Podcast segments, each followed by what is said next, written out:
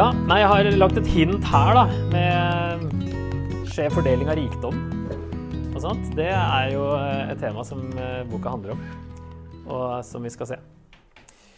Og eh, det her med at de trodde at de var velsigna av Gud, eh, har jo hørt det sagt mange ganger i norsk kontekst. At Gud har velsigna oss med oljen, f.eks.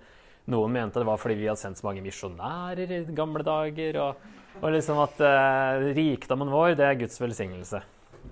Og da er vi plutselig veldig i skoene til disse her som Amos taler imot. Hvis vi tenker sånn, og tenker at Gud er med oss på en eller annen spesiell måte. Og en gullalder er det jo virkelig for oss nå. da. Det er nesten ingen i hele verdenshistorien som har hatt det så bra som vi har det uh, i vår del av verden og i vår generasjon, eller er kanskje to forskjellige generasjoner her, men eh, siden, siden, vi fant oljen, i Norge i hvert fall Norge var jo lut fattig for ikke så lenge siden. Og så har de som vokste opp uh, etter uh, eh, 60-tallet, har en helt annen erfaring med si, Ingen erfaring med fattigdom, da. OK. Um, Gud brøler mot sosial urettferdighet. Det er jo det vers to her. Herren brøler fra Sion. Fra Jerusalem runger hans røst. Der har vi um, det at Sion Hva var Sion? Tempelhøyden. Yes. Så her Herren brøler fra Sion, Herren brøler fra si, sin bolig. Dette er jo en såkalt um, parallellisme. Skal vi se på den som et eksempel? Er det noen som ser noen uh, Hvis vi tar, begynner første ordet. Herren. Hva er parallellen til Herren i linje nummer to? Hans, ja. Ja. Herren. Hans refererer tilbake til Herren, sant? Mm. Ikke at Hans med stor H, men Hans. yes. Uh, brøler. Hva er parallellen? Røst og Runger. Røsten runger. Da, det er når du brøler, sant? Ok, Så har vi fra Sion. Parallellen som står igjen, er fra Jerusalem. Så Sion er jo ikke helt det samme som Jerusalem, men det er den tempelhøyden i Jerusalem. Altså det høyeste punktet, eller i hvert fall et av de høyeste punktene, der eh, tempelet sto. Så det her sier jo, det, eh, sier jo egentlig det samme. Eh, og det forklarer jo at Sion ligger i Jerusalem. For hvis man ikke visste det og man vet hva en parallellisme er. Sant? Så det hjelper oss å se på begge to, så kan vi forstå hva de forskjellige delene betyr. Hebraisk poesi var stort sett sånne paralleller, så de rimer med innhold. Ikke, du kan ikke høre at det rimer, sånn som vi tenker, men det er innholdet rimer. Så det er jo det er måten de skrev poesi på. Og det var nok for både å kommunisere bedre og for å gjenta det. Men for å altså, variere med, med, metaforer og bilder og Det er jo ordspill selvfølgelig noen steder, som du må i fotnotene for å skjønne. Men det hadde vært ekstremt mye fotnoter hvis, hvis det skulle liksom rime hele veien, og det ikke gjør det på noe annet språk. Så det er jo faktisk et godt poeng. Og det er mye lettere å oversette og få fram uten å tenke på at det skal rime sånn som vi er vant til. Så det var et eksempel helt fra starten. Og det er på en måte en sånn åpning Budskapet her er at Gud brøler mot eh, Israel spesielt. Men før det så er det disse eh, landene rundt som får eh, et domsord hver. Vi ser på kartet her, så er det først eh, Damaskus her oppe, i vers 3. Neste, hvem er det som får et domsord? Neste gang det står 'så sier Herren'.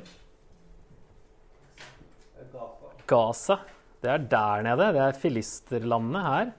Så først da nordøst til sørvest. ok? Neste, da? Tyros. Er den oppe der igjen? Det er et annet land, det også. Ok, neste. Edom. Det er den der nede igjen. Så går det sånn kryss og tvers over. Ok, Og så Først er det Ammon, ja. Det er her. Og så er det Moab der. Og så Juda der. Og så Israel i 2,6. Så det er som om han eh, at Før liksom før Gud kommer til Israel, så tar han for seg nabolandene rundt. Um, og jeg, tenker, jeg tenkte at det kunne se sånn ut som det her.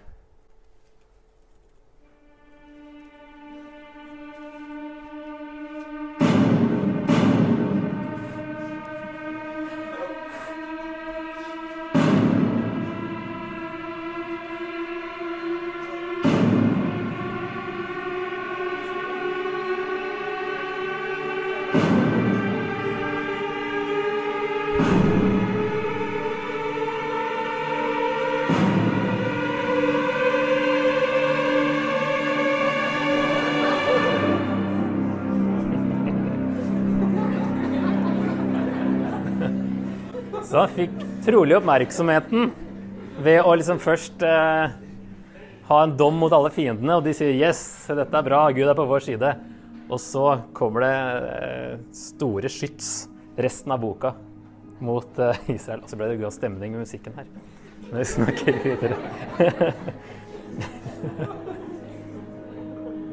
det er fra Batman, hvis noen lurte. Passa veldig bra med de her skuddene. Så eh, Hvis vi ser på det første, eh, Damaskus-ordet Så for å se litt hvordan det her kan tolkes, da. Så sier Herren, tre ugjerninger av Damaskus, ja, fire, jeg holder det ikke tilbake. For de tresket Gilead med jerntagger. Jeg sender ild mot Hasaels hus, den skal fortære Ben Hadads borger. Jeg sprenger portbommen i Damaskus, utrydder ham som troner i Avendalen, og ham som bærer septer i Bet Eden. Arams folk skal i eksil til Kir, sier Herren. Eh, først kan vi se Gilead. Det de har gjort, da, er jo at såkalt tresket Gilead med jerntagger. Er det så ille, liksom? Å treske med jern? treske med jerntagger? Skal man straffes for det? Gilead er jo her. Så det er liksom en del av Israel som lå veldig nær Syria, da. Aram, ikke sant? Damaskus her. Så de har liksom gått over grensa, gjort et eller annet her, treska med jerntagger. treska på feil jorde, eller hva er greia? Men det er nok et uttrykk for at det er noe litt verre enn å bare ha vært ute og pløyd et jorde. Såkalt søksmålsutsagn. Eh, hva besto det i? Først en innkalling. Hvem gjelder dette her? Siktelse og bevis. Av og til sammen, av og til hver for seg. Kan du også spørre da, hva er synden? Det er det det går i. Og så kommer dommen, som vil komme hvis de ikke snur om. Um, så skal vi se hva jeg hadde tenkt her. Det var vel noe sånt at uh, siktelse Her er vi nok uh, begge to i én. Siktelse og bevis. Og synd, da, det er at de treska Gilead med jerntager. Um, I andre kongebok 13 så leser vi om at de hadde arameerne, da, syrerne, hadde ødelagt og trampet ned som støv troppene til kong Joahas, som eh, fikk inntrykk av var bestefar til Jeroboam 2. Da. Så for en liten stund siden så hadde de vært eh, Kanskje det er en krig da, som, at, eh, som de har vært unødvendig brutale i. Eh, mot israelittene som bor der, bodde der oppe i, i Gilead. Det tenker jeg kan være en uh, Uansett må være noe verre enn å pløye. Og det passer da med at de har i hvert fall gjort dette her i en krig tidligere. Og um, Ikke at Gud er for krig til et visst nivå av brutalitet, men at, det, men at når de er uh, ekstra brutale, så kan det være at um, Gud reagerer på en annen måte, da. Så um, videre her, da. Vi skal se på dommen. Jeg sender ild mot Hasaels hus. Ild. Hva kan ild være? Er det bokstavelig ild? Er det metafor-ild, og i så fall hva? Mm? Ja, det kan være symbolsk for dom generelt. Og hvis det er litt mer konkret, så kanskje det kan være Eller ganske mye mer konkret, altså en konkret ild, men hvilken uh, situasjon da? Skal det liksom bare komme masse flammer mot, uh, mot dem, eller? Krig? Ja. Jeg tenker det kan være en av delene der. Altså det kan være krig som endte med at byer ble brent, eller symbol for Guds dom. Kan, det kan forstås på begge måter, og begge deler kan være riktig. Her. OK, Hasael, da. Han, eh, hvem er, altså det er mange ord han, som, og navn som nevnes her, som ikke sier oss noen ting, sikkert. Men Hasael var nevnt i kongebøkene, men det er ikke sikkert dere husker det. Men eh, det var en konge av Syria, da, så det henger veldig sammen med hvem som får dette budskapet. På 800-tallet nevnes i andre kongebok 8. Og Ben Hadad, som nevnes i neste setning, det var da sønnen til Hasael, som var konge etter han, i andre kongebok 13. Og da har vi plutselig en parallellisme her også. Jeg sender ild mot Hasaels hus. Den skal fortære Ben Hadads borger. Ok, Hva er parallellen til ild i den neste setningen? Fortære. Ja, brenne opp betyr det. På et annet, eh, eller spise opp, for så vidt. Eh, ok, Og da blir Hasael og Ben Hadad blir paralleller. Det er ikke samme person, ikke men det er far og sønn. Så det er på en måte en parallell der. Neste kongen. Og parallell til eh, hus? Borger. Og det er videre Det neste her er jo paralleller, egentlig. Å sprenge portbommen i Damaskus. Utrydder ham som troner i Avendalen, og ham som bærer septer i Bet Eden. Altså Alle de tre stedene beskriver nok bare steder i det området, i Syria. Eh, og trone og septer har jo med konge å gjøre, ikke sant? Og portbom kanskje ikke direkte med en konge å gjøre, men det er en slags parallell her. Og da er det tre plutselig som nok sier noe av det samme. Så er man ikke alltid helt sikre på hvor dette ligger og hva det, hva det betyr og sånt, men siden det er en parallell, så kan vi si at det her har med Damaskus å gjøre. Uansett om ikke vi skjønner akkurat hvor det er hen, og hva det betyr. Men f.eks. aven betyr også ondskap. Så det kan være et ordspill der om at det ligger i liksom ondskapens dal, eh, eller noe sånt. Og så Kir, den siste her. Arams folk. Altså Aram, som sagt, det er bibelske ordet for Syria. Ja. Arams folk, altså syrerne, skal i eksil til Kir. Det vet vi jo liksom ingenting om, regner jeg med. Men helt mot slutten av Amos, i 9.7, så sier Gud der at det er syrernes opphavsland. Det var der de kom fra. Gud tok dem ut derfra en gang. Og så nå skal jeg sendes tilbake dit. Som om Israel skulle sendes tilbake til Egypt som straff. Så tenker man det kanskje lå helt sørøst i Mesopotamia, altså i Midtøsten. Eller i det, den verdenen der, da, helt, helt nede i sørøstlige hjørne. I nærheten av et kongerike som het Elam, fordi det brukes i en parallell der i Jesaja 22. En parallell mellom Elam og eh, Kir. Tenker man kanskje det er i samme område. Sånn så kan de parallellene hjelpe oss til å finne ut hva det kanskje er. Men OK. Dette var et eksempel da fra Vi skal liksom gå inn i det de har gjort, og hva som, hva som er straffen. OK, ild, krig, et eller annet skal angripe dem, og de skal sendes, tas vekk fra Syria, tilbake der de kom fra. Til liksom helt andre enden av eh, den kjente verden. Så hvis for å oppsummere så kan vi si det som at eh, de skal bli erobret, og syrerne skal bli sendt tilbake der de kom fra. Og så er vi spent da med oppfyllelse. Når skjedde det? Det er jo veldig spennende med de historiske oppfyllelsene av sånne ting som det her for lenge, lenge siden. Som vi som regel ikke har hørt et kvekk om.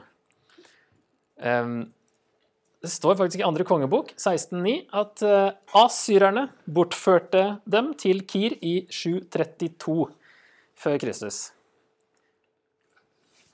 Der står det svart på hvitt at de gjorde det. Um, 732. Ok, Hvis vi går tilbake til denne eh, oversikten uh, Ja, da må jeg hoppe litt fram. Og så tilbake. Jeg tenkte på denne her, som vi så på. 732, det er denne krigen der Asyria kommer og Når Syria og Israel hadde slått seg sammen for å få med Juda til å lage en koalisjon mot Asyria. Så vil ikke Juda, går heller på lag med Asyria. Asyria kommer og knuser eh, Syria og Israel. Og da, i den sammenhengen der, når de tar mesteparten, mesteparten av Israel og noen av folket i eksil, så er det også at de tar de fra Damaskus og syrerne i eksil. Tilbake til Kir. Som er jo i retning hovedstaden av Asyria. Så tar de liksom bare med seg dit, og så er de liksom tilbake sånn cirka der de kom fra. Spørsmålet nå, da. Her har vi eh, noen eh, syrere. De kjenner jo ikke Gud sånn veldig, gjør de det? Det er i hvert fall ikke Moseloven. Altså, kan, Hvordan kan Gud dømme dem? Hva er domsgrunnlaget? Ikke sant? Eh, Damaskus tresket Gilan med jerntager. Gaza drev alle i eksil og overga dem til Edom, står det. Tyros overga til Edom alle som de drev i eksil, husket ikke på brødrepakten. Edom jaget brødrene sine med sverd, viste ingen barmhjertighet, holdt alltid fast på sin harme. Ammon skar opp gravide i Gilead og utvidet grensene sine. Ok, den er grei. Den skjønner vi. Det der er det veldig fint at Gud slår ned på. Det er den verste. Uh. Moab brente Edom-kongens knokler til kalk. Ja, han fortjente sikkert. Han fortjente Han fortjente det sikkert. Hvorfor skal de dømmes da? For at de har gjort det? Så her er det forskjellige ting som de skal dømmes for, og ikke eh, Mosloven. Hvordan kan Gud dømme folk da, som ikke liksom visste Mosloven? Kunne Mosloven? De har ikke Mosloven, men dømmes på grunnlag av loven Gud la ned i alle menneskers hjerter. Så da runder vi av med litt objektiv moral i dag. Um,